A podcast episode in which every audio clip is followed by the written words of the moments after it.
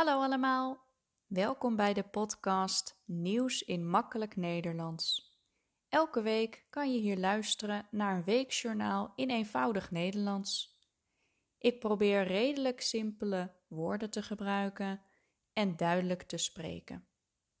Aan het einde van het journaal heb ik een opdrachtje voor je om je Nederlands te oefenen.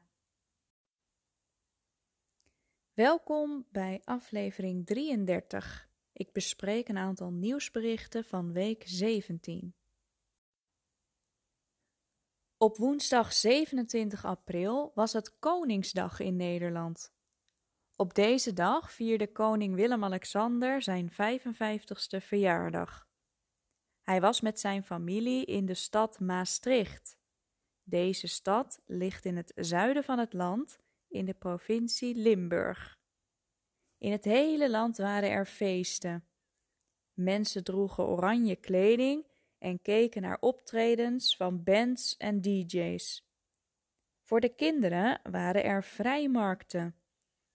Op een kleedje verkochten ze hun spullen, zoals speelgoed, puzzels, knuffels of kleding.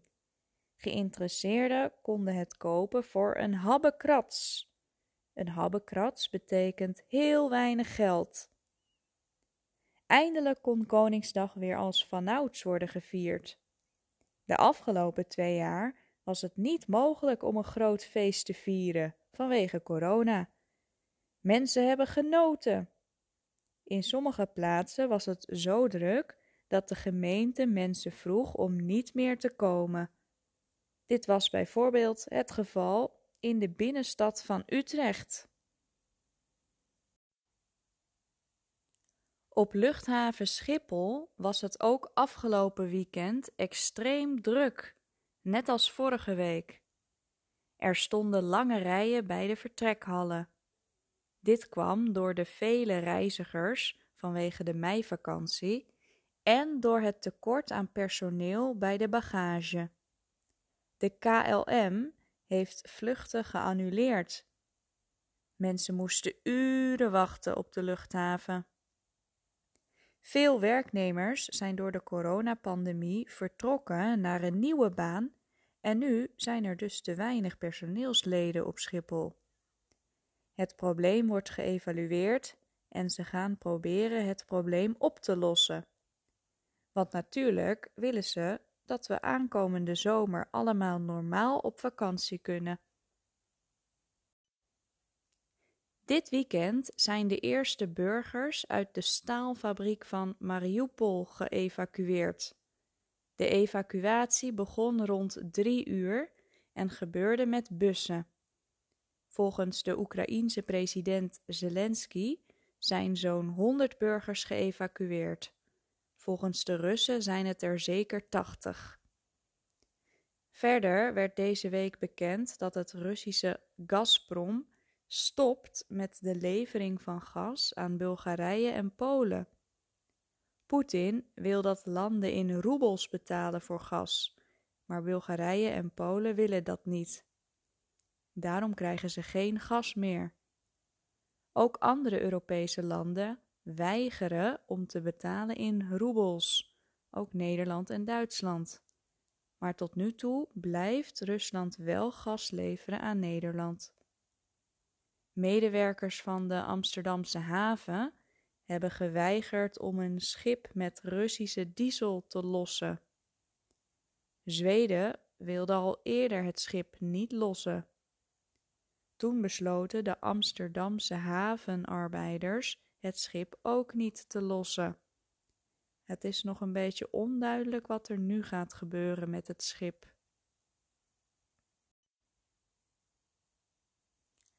Elon Musk heeft Twitter gekocht. De miljardair betaalde zo'n 41 miljard euro voor het bedrijf.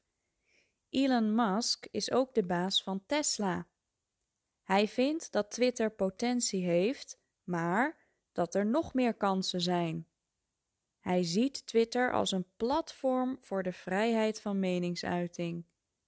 En vrijheid van meningsuiting is volgens hem de basis van een goed functionerende democratie. Hij heeft zin om aan de slag te gaan. Aan de slag betekent beginnen met werken. Musk is dus erg gemotiveerd om te beginnen met Twitter. Een bekend schilderij van Rembrandt van Rijn gaat op tournee. Het schilderij heet De Vaandeldrager.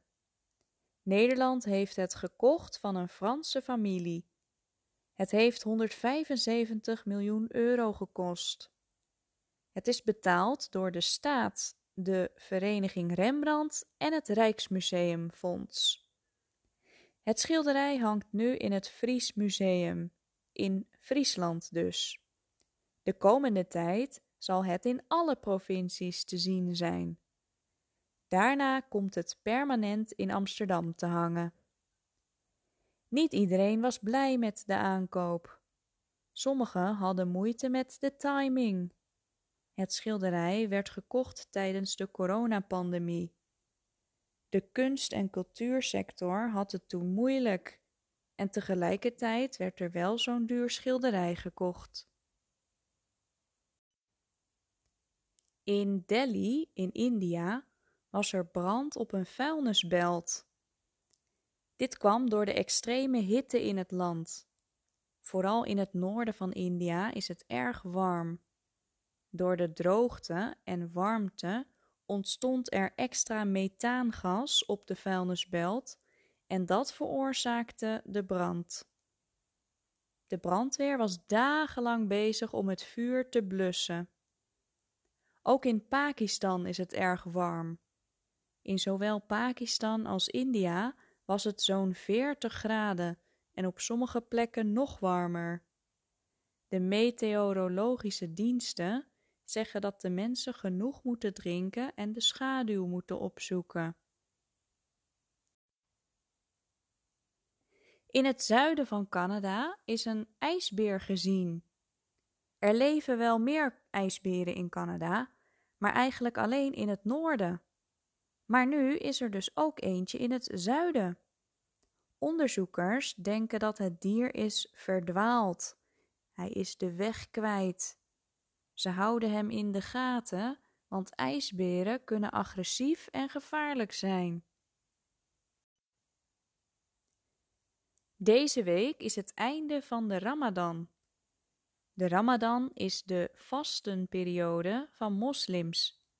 Zij eten en drinken dan niet van zonsopgang tot zonsondergang. Aan het einde van de Ramadan is er het suikerfeest. Mensen gaan naar de moskee en praten en eten met vrienden, familie, buren enzovoort. Elk jaar is dit feest op een andere datum, namelijk op de eerste dag van de tiende maand van de islamitische kalender. Het feest duurt meestal een paar dagen. En dan nu het opdrachtje van deze week om je Nederlands te oefenen. De opdracht gaat over vakantie. Het was deze week erg druk op luchthaven Schiphol. Dat brengt me bij de volgende vraag. Heb jij vakantieplannen voor de komende tijd? Waar ga je naartoe en met wie? Hoe ga je reizen en waar slaap je? Of blijf je thuis? Kan je iets vertellen over een leuke vakantie die je vroeger hebt gehad? Noteer dit in een schriftje en of spreek erover met andere mensen. Dat was het voor deze week.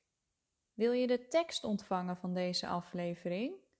Stuur dan een mailtje naar nieuwsinmakkelijknederlands@hotmail.com. Bedankt voor het luisteren en tot volgende week.